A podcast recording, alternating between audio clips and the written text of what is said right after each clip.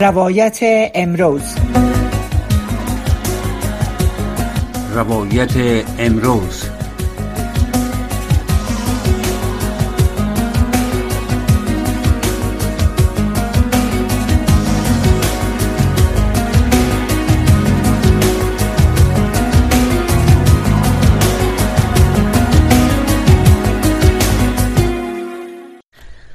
شنوندای عزیز رادیو آشنا سلام وقتتان بخیر. امیدوارستم در هر کجایی که هستین صحت و سلامت باشین و از گزند روزگار در امان باشین.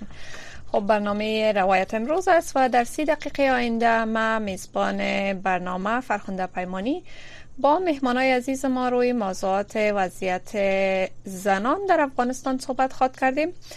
و همچنان ما در برنامه دو مهمان گرامی را که از مدافعان حقوق زن در افغانستان هستند با خود خود داشتیم. اما قبل از او موضوع یک سروی که در مورد مدافعان حقوق بشر در افغانستان صورت گرفته او را با شما عزیزان شریک می سازیم و بعدا باز با مهمانای خود صحبت خود داشتیم و در موردش بحث می‌کنیم. البته قبل از اینکه به موضوع بپردازیم مهمانای برنامه خود معرفی می‌کنیم. مهمان اول برنامه ما محترمه هدا خموش از کشور ناروی. یکی از مدافعان حقوق بشر در افغانستان هستند و مهمان دومی ما هم انقا هدایت یکی از مدافعان و یکی از معترضین زن در افغانستان. البته بیرون از افغانستان هستن فعلا ولی اونا را هم در برنامه خود داشتیم روی موضوعات بس خود, خود کردیم. خب بر اساس یک سروی مدافعان حقوق بشر در افغانستان و کسانی که این کشور را ترک کردند با بازداشت های خودسرانه، آدم ربایی، شکنجه، زندان و خشونت و تهدید علیه اعضای خانوادهشان روبرو هستند. البته این سروی که روز پنجشنبه 19 جنوری منتشر شده توسط میکانیزم اماهنگی حقوق بشر افغانستان که یک کنسرسیوم حقوق بشر است با کمک فریدم هاوس یا خانه آزادی در ایالات متحده امریکا و اداره جامعه مدنی کانادا انجام شده همچنان رئیس فریدم هاوس در مورد این سروی میگه که مردم افغانستان در حال تجربه کردن یک وضعیت جدید بیقانونی و بازداشت های خودسرانه و کشتار صحرایی با عنوان حاکمیت آینده طالبان مواجه هستند. او همچنان میگه که مدافعان حقوق بشر در افغانستان در ترس به سر می‌برند و با تهدیدهای بزرگ برای ماندن در کشور روبرو هستند. در صورت فرار به خارج از کشور جامعه جهانی باید حمایت خود را از تلاش های بیباک این فعالان دوچندان کند تا یک فضای آزاد در افغانستان ایجاد شود خب همچنان در بخش از این سروی آمده است که بر ارزیابی نیازهای مدافعان حقوق بشر افغانستان باید یافته ها نشان میده که 90 درصد از مدافعان حقوق بشر افغان در افغانستان تحت حاکمیت طالبان با خشونت و تهدید مواجه هستند. در این سروی که گفته شده با 663 مدافع حقوق بشر افغانستان در ماهای می و جون 2022 مصاحبه صورت گرفته یافته هایش نشان میده که همزمان با تسلط دوباره طالبان بر افغانستان و سقوط نظام جمهوریت. در آگوست 2021 مدافعان حقوق بشر در یک وضعیت بسیار جدی و نامعلوم به سر می‌برند. خب البته داشتا و موضوعات که بیشتر در این سروی گفته شده ما با مهمانای خود در جریان سوالاتی که مطرح می‌کنیم خواهد مطرح شد. ولی در ابتدا هر دو مهمان خود را به برنامه خوش آمدید میگیم. در ابتدا از در, در مورد وضعیت مدافعان حقوق بشر و زنان معترض در افغانستان از خانم هدا خموش میشنویم که در ابتدا او را خوش آمدید میگیم به برنامه.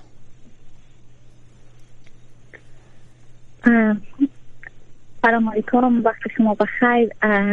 فرخنده عزیز تشکر از که دعوت کردین. یک سلام هم به مهمانتان و تمام شنونده هایی که از طریق رادیو آشنا صدای ما را میشنوند. خوش آمدین خیلی به برنامه. سلامت باشین. همانطور که آگاه هستین از ورود طالبان به افغانستان و بی برنامگی و بی پلانی و حذف تمام پالیسی و قانون و سیستم افغانستان امروز نه تنها زنان افغانستان در فقر تنگستی و خشونت دست و پنجه نرم می‌کنن بلکه تمام مردم افغانستان که ایده با سختی های تمام از افغانستان بیرون شدن و ایده با مرگ جنایت و فقر و تنگستی دست و پنجه نرم می‌کنن با طالبان دارن تعامل می‌کنن اما در این در این یک سال و شش ماه ایده از زنان که نه حمایت سیاسی و مدنی داشتن و از درون خانه هاشان از درون مکاتب و کسانی که اندکی در جامعه راه پیدا کرده بودند خودشان در خیابان ها پیدا کردند با, با, با اعلامی های متعددی که از طرف طالبان برای حذف و انکار و محرومیت و ترد زنان در افغانستان منتشر می‌شد. و اکنون هم بسیاری از زنان هنوز در داخل افغانستان هستند که با برنامه ها و پلان های متعدد در حال برنامه ریزی برای اوضاع زنان و تغییر وضعیت زنان به طور وحشتناک و افزایش خشونت ها خودکشی ها در پی پلانگذاری هستند تا بتانند صورت حقیقی طالبان را که تا اکنون نتانستن برنامه برنامه برای افغانستان مردم افغانستان و حتی آینده افغانستان داشته باشند در نظر بگیرند. و این پلان ها صدمات بسیار زیادی در نیز بر زنان در داخل افغانستان وارد کرده مخصوصا زنان معترضی که اصلا در داخل افغانستان هستند و در بیرون افغانستان به سر می‌برن خانواده هاشان در داخل افغانستان هست و با شکنجه های روحی روانی و ظلم و ستم طالبان روبرو هستند. بله. خب خانم خمر شما چند قبل البته مدت میشه که از افغانستان بیرون هستین ولی دیده میشه که هنوز هم شما به دادخواهی می‌پردازین برای زنان افغانستان و اعتراضات را سر میتین. هنوز هم فعالیت هایتان ادامه دادین بیرون بیرون از افغانستان. ولی از خانم منقا هدایت میشنویم. اینا البته مدت بسیار کوتاه میشه چند روز میشه که از افغانستان بیرون شدن. شما از وضعیت فعلی مدافعان حقوق بشر و در کل زنان معترض در افغانستان قصه کنین که چگونه است آیا هنوز هم به مو شکل که در ابتدا شروع کردن قوت و انگیزه برای پیشبرد این اعتراضات وجود داره یا ای که با تداوم وضعیت که در افغانستان جریان داره و نیامدن تغییرات مثبت در وضعیت زنان و دختران نه تنهایی که نیامدن تغییرات مثبت بلکه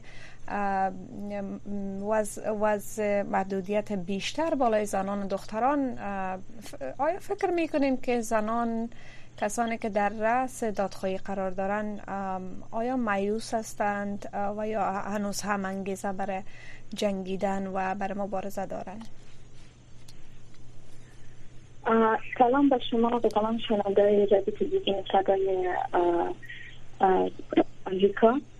سلام مرا با خود در پاسخ با سوال شما خب متاسفانه بعد از سقوط جمهوریت و کار آمدن گروه طالبان همان گونه که حمله ساختارهای اجتماعی و سیاسی از آن پاشید نظام آموزش و پرورش نیز فرو ریخت. و به صدها مراکز تعلیمی بسته شد. از سوی هم بانوانی که در دوران نظام جمهوریت شاغل بودند و از آن طریق هزینه تحصیلی خانواده و خدا به دست می برای کار آمدن گروه طالبان هم از وظیفه باز ماندن و, از و, هم از ادامه تحصیل. زنان افغانستان امروز در ترید هستند و حاشیه زنان یک بحران هم اقتصادی و هم سیاسی است. و جامعه که در آن عدم حضور زنان باشه یقینا یک کشور عقب مانده و مایوس شده خواهد بود. و ولی هر جامعه بدون نقش نگر زنان ممکن نیست. موضوعی آموزش شده اشاره کنیم که به نظر من این خیلی وحشتناک است. گروهی که با ماهیت اسلامی و مسلمانی در قرن 21 ابتدایی ترین حقوق دختران و زنان که همان تعلیم تربیه بود بدبختانه برای دختران افغانستان بستن تعلیم تربیه را به قهقرهای نیستی و تاریکی فرو بردن. اگر دنیا برای وادار کردن این گروه مستبد کاری نتواند آرزوهای دختران شایسته کشور بر جلب خواهند است خب چشم دید من از, از افغانستان وضعیت و از وضعیت فعلی این است که مردم افغانستان 80 فیصد در تکالیف های روحی زبانی افسردگی بیچارگی بگستی دست پنجه نرمی کنند اگر جامعه بین المللی به این واقعیت یعنی وحشتناک توجه دست نکنند فرهنگ خودکشی در بین زنان افغانستان نهادیده می شود و مردم به قهقرای نیستی خواهد رفت. و برگشت از قهقرای نیستی امکان نپذیر خواهد بود. بله.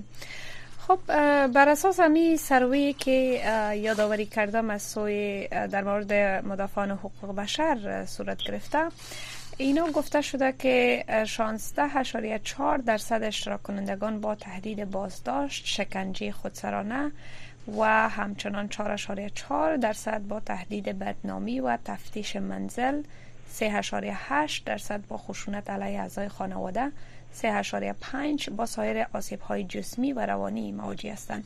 همچنین 0.8 درصد از مدافعان با ربوده شدن و زندانی شدن تهدید میشن. میشه که خانم هدایت شما بگوین که در داخل افغانستان آیا تو یک واقعی را که شما چون در خط اول مبارزه با زنان و دختران دیگر در اعتراضات اشتراک می‌کردین و حضور داشتین آیا چشم دیدی از این صحنه ها داشتین شما خودتان به چشم؟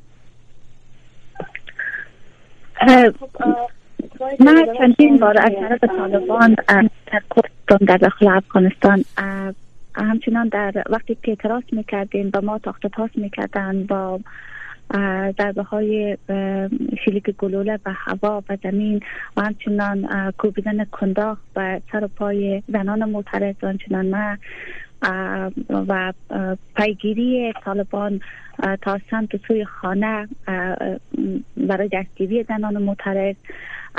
دوام از آغاز شروع اعتراضات شروع شد و تا الحال دوام داره.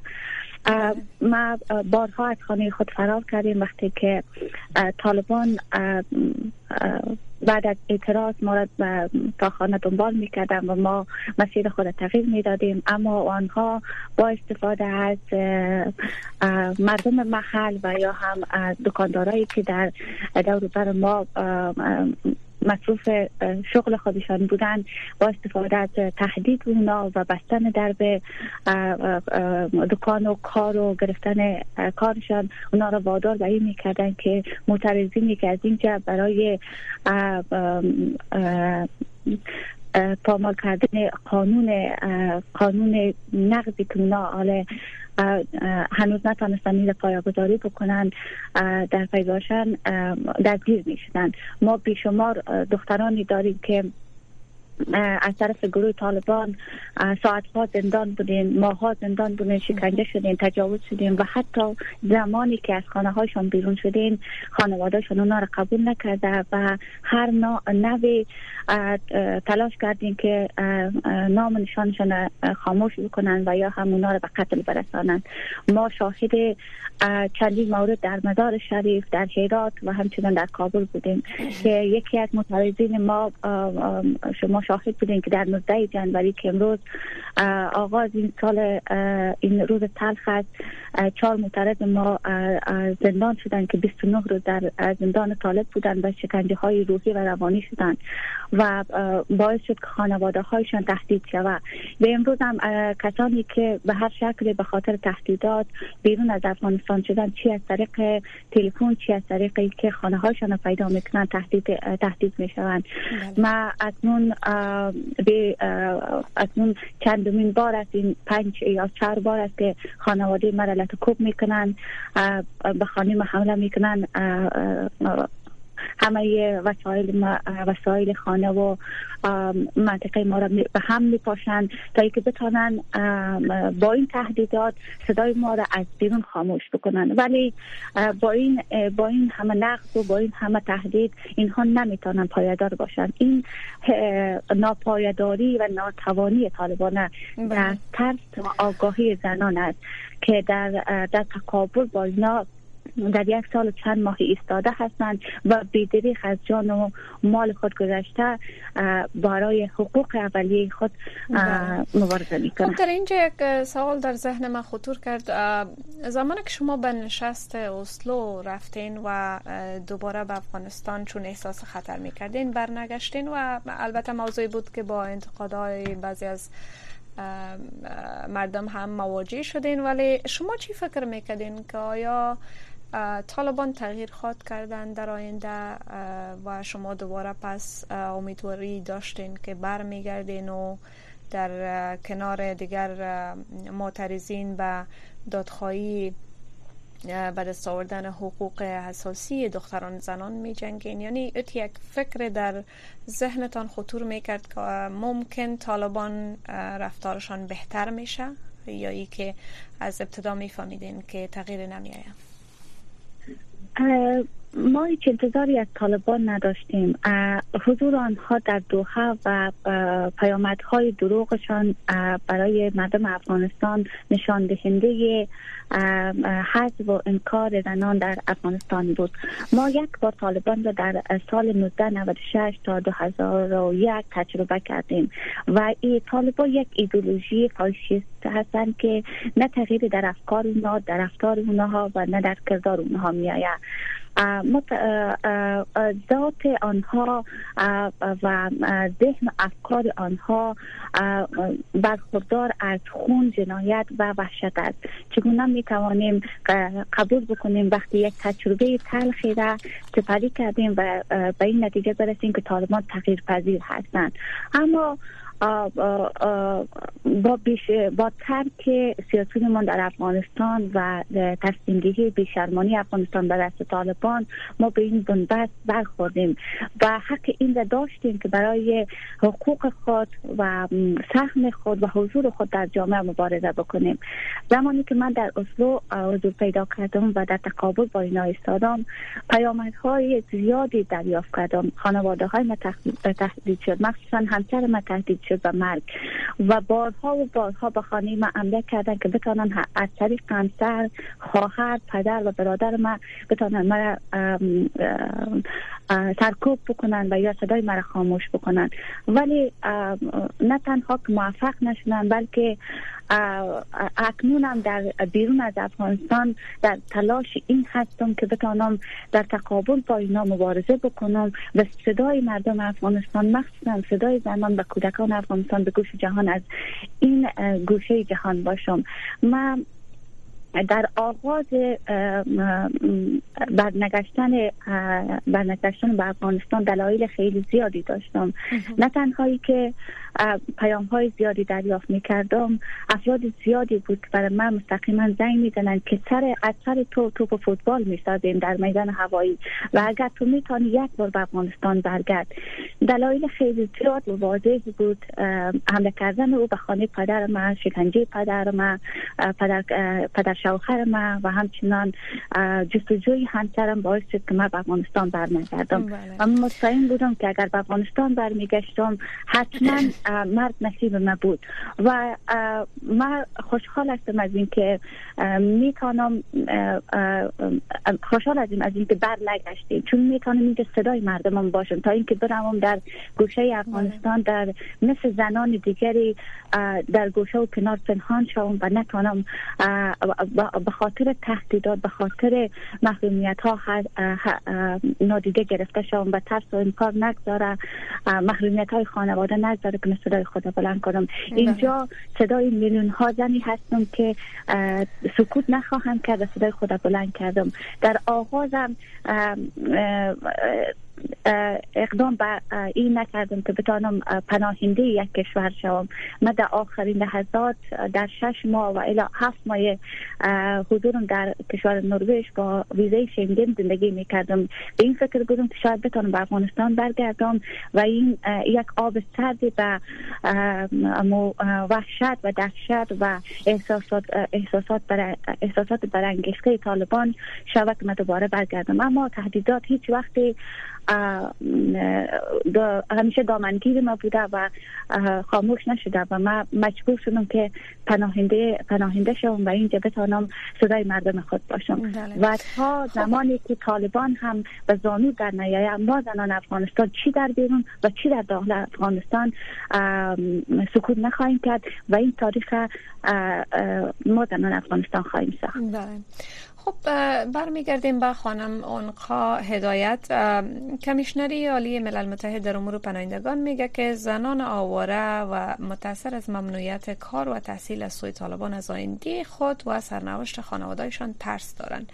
البته ایره در حال ای, ای مسائل را مطرح کردن که وزارت اقتصاد حکومت طالبان به تاریخ 24 دسامبر طی یک مکتوب زنان و دختران را از انجام کار در از انجام کار در سازمان های غیر حکومتی داخلی و خارجی ممنوع کرد.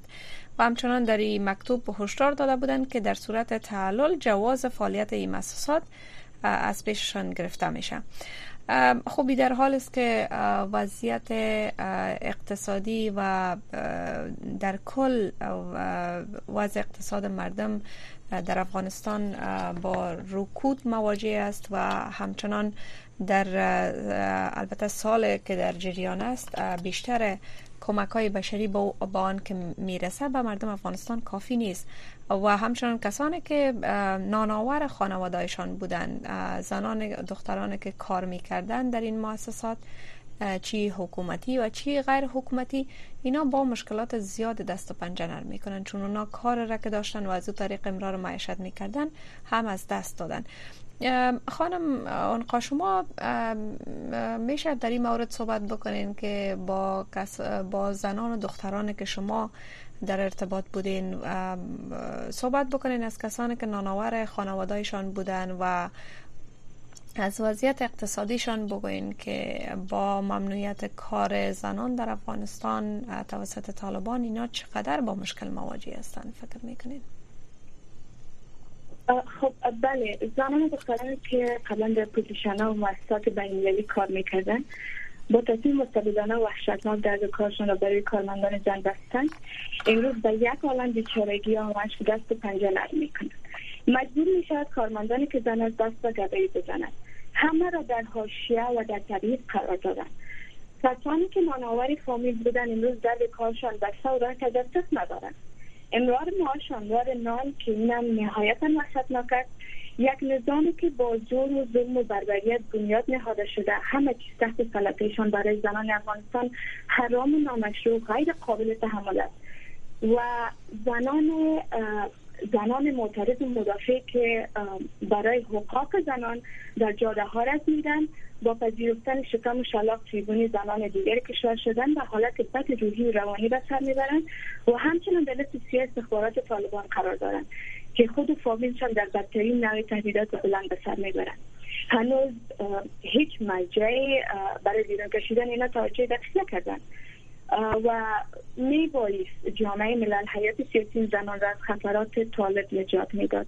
اما با باد فراموشی سپردن و, در این شکل نیست معترضین بازداشت نشود و در شکنجهگاه فرستاده نشود.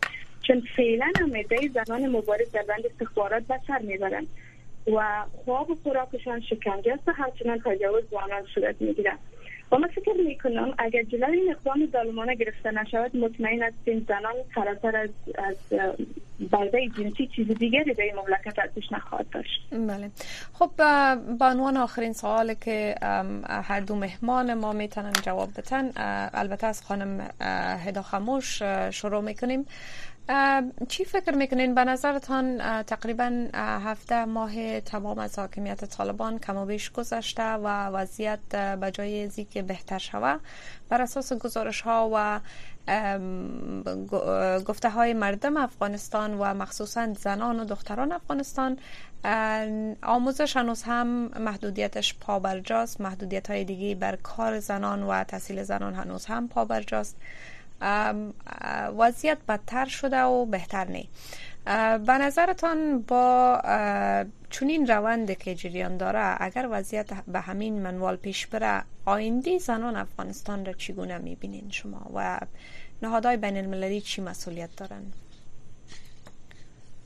متاسفانه تمام سازمان هایی که اکنون در افغانستان دخیل هستند و با طالبان در حال تعامل هستند تویت ها و یا هم احساسات و همدردیشان جز خیانت و جنایتی که بر مردم افغانستان از توسط طالبان در افغانستان صورت می‌گیره جز خیانت چیز دیگری نیست. ما بازهای اعتراض به این کردیم که فرایند و یا هم کار عملی تری برای سرکوب طالبان در نظر بگیرن. اما اینها پول های گذافی برای تقویت طالبان در افغانستان روان می‌کنند اکنون هزاران نفر در افغانستان از فرق تنگدستی و سردی هوا در حال با در حال دست پنجه, دست پنجه نل کردن با مرگ هستند. اما پول های گذافی در افغانستان میره و به چی؟ به طالبان پایین می شود که این باعث تقویت طالبان در افغانستان شده که خطر اون تنها در خود افغانستان بلکه در همسایه و مناطق افغانستان خواهد بود. و سرنوشت زنان افغانستان از آغاز ورود طالبان در افغانستان به یک بنبست و یک به تاریکی برگشت ناپذیری خود است که بجز صدای مردم بجز ایستادگی خود مردم افغانستان هیچ سازمان و هیچ کشوری نمی‌تونه این تغییر به میان بیاره. ما می‌بینیم که تمام کشورها در حال تعامل با طالبان هستند. جنایت هایی که در سایر ولایات در افغانستان رخ میده. محدودیت ها و محرومیت ها حتی تجاوز های گروهی و خشونت هایی که در افغانستان صورت می‌گیره جز همدردی از سازمان ها و مراکز که دخیل در افغانستان است یک تغییر در میان نمیاره افغانستان به همبستگی خود مردم برای تغییر و سرکوب طالبان نیاز داره اگر بله. مردم افغانستان بلند نشوند زن کنار زنان افغانستان ایستاده نشوند ما همین گونه این بنبست را ادامه خواهیم داد و جز بدبختی و تجربه تلخ سالهای 1996 هیچ چیزی نخواهیم داشت بله. مگر اینکه خود مردم افغانستان در پی سرکوب طالبان باشند. بله. اگر کوتاه بشنویم تشکر خانم بله. هدا. از خانم آنقا هم میشنویم. کوتاه چون وقت برنامه متاسفانه رو به اتمام است. کوتاه از شما میشنویم در مورد از این سوال. خب با پاسخ به سوال شما متاسفانه با گذاشت حدود بیشتر از یک و نیم سال از حاکمیتی گروه تا هنوز هیچ پیشرفت و تغییر در رویکرد طالبان به وجود نیامده است. دروازه های مکاتب دانشگاه همچنان برای میلیون ها دختر بستن و هیچ سرنوشت مشخصی هم نمی‌تونه برای حل این معضله حد بزنیم.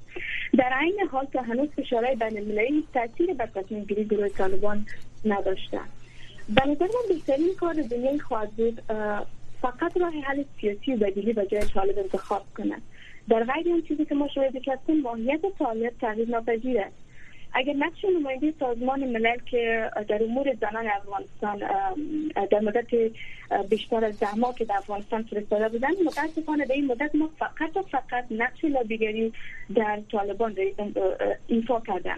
و هیچ برنامه در قسمت نباز گوشه مکاتب و نه هم مشارکت زنان در در عرصه در ساحل مختلف جامعه بازی بازی نکردن. بله. در این مدت ما تنها اظهار تاسف و تقویه از سازمان ملل و هر آنچه که بر زنان افغانستان گذشته شنیدیم و بس یک بله. واکنش جدی و غیر و, و, و غیره تشکر یک جان ممنون از هر دو مهمان برنامه ما که به برنامه اشتراک کردن و نظریاتشان با ما و شنوندای عزیز در جریان گذاشتن. برنامه آینده رادیو آشنا صدای امریکا را هم تماشا کنین. تماشا کنین و بشنوین.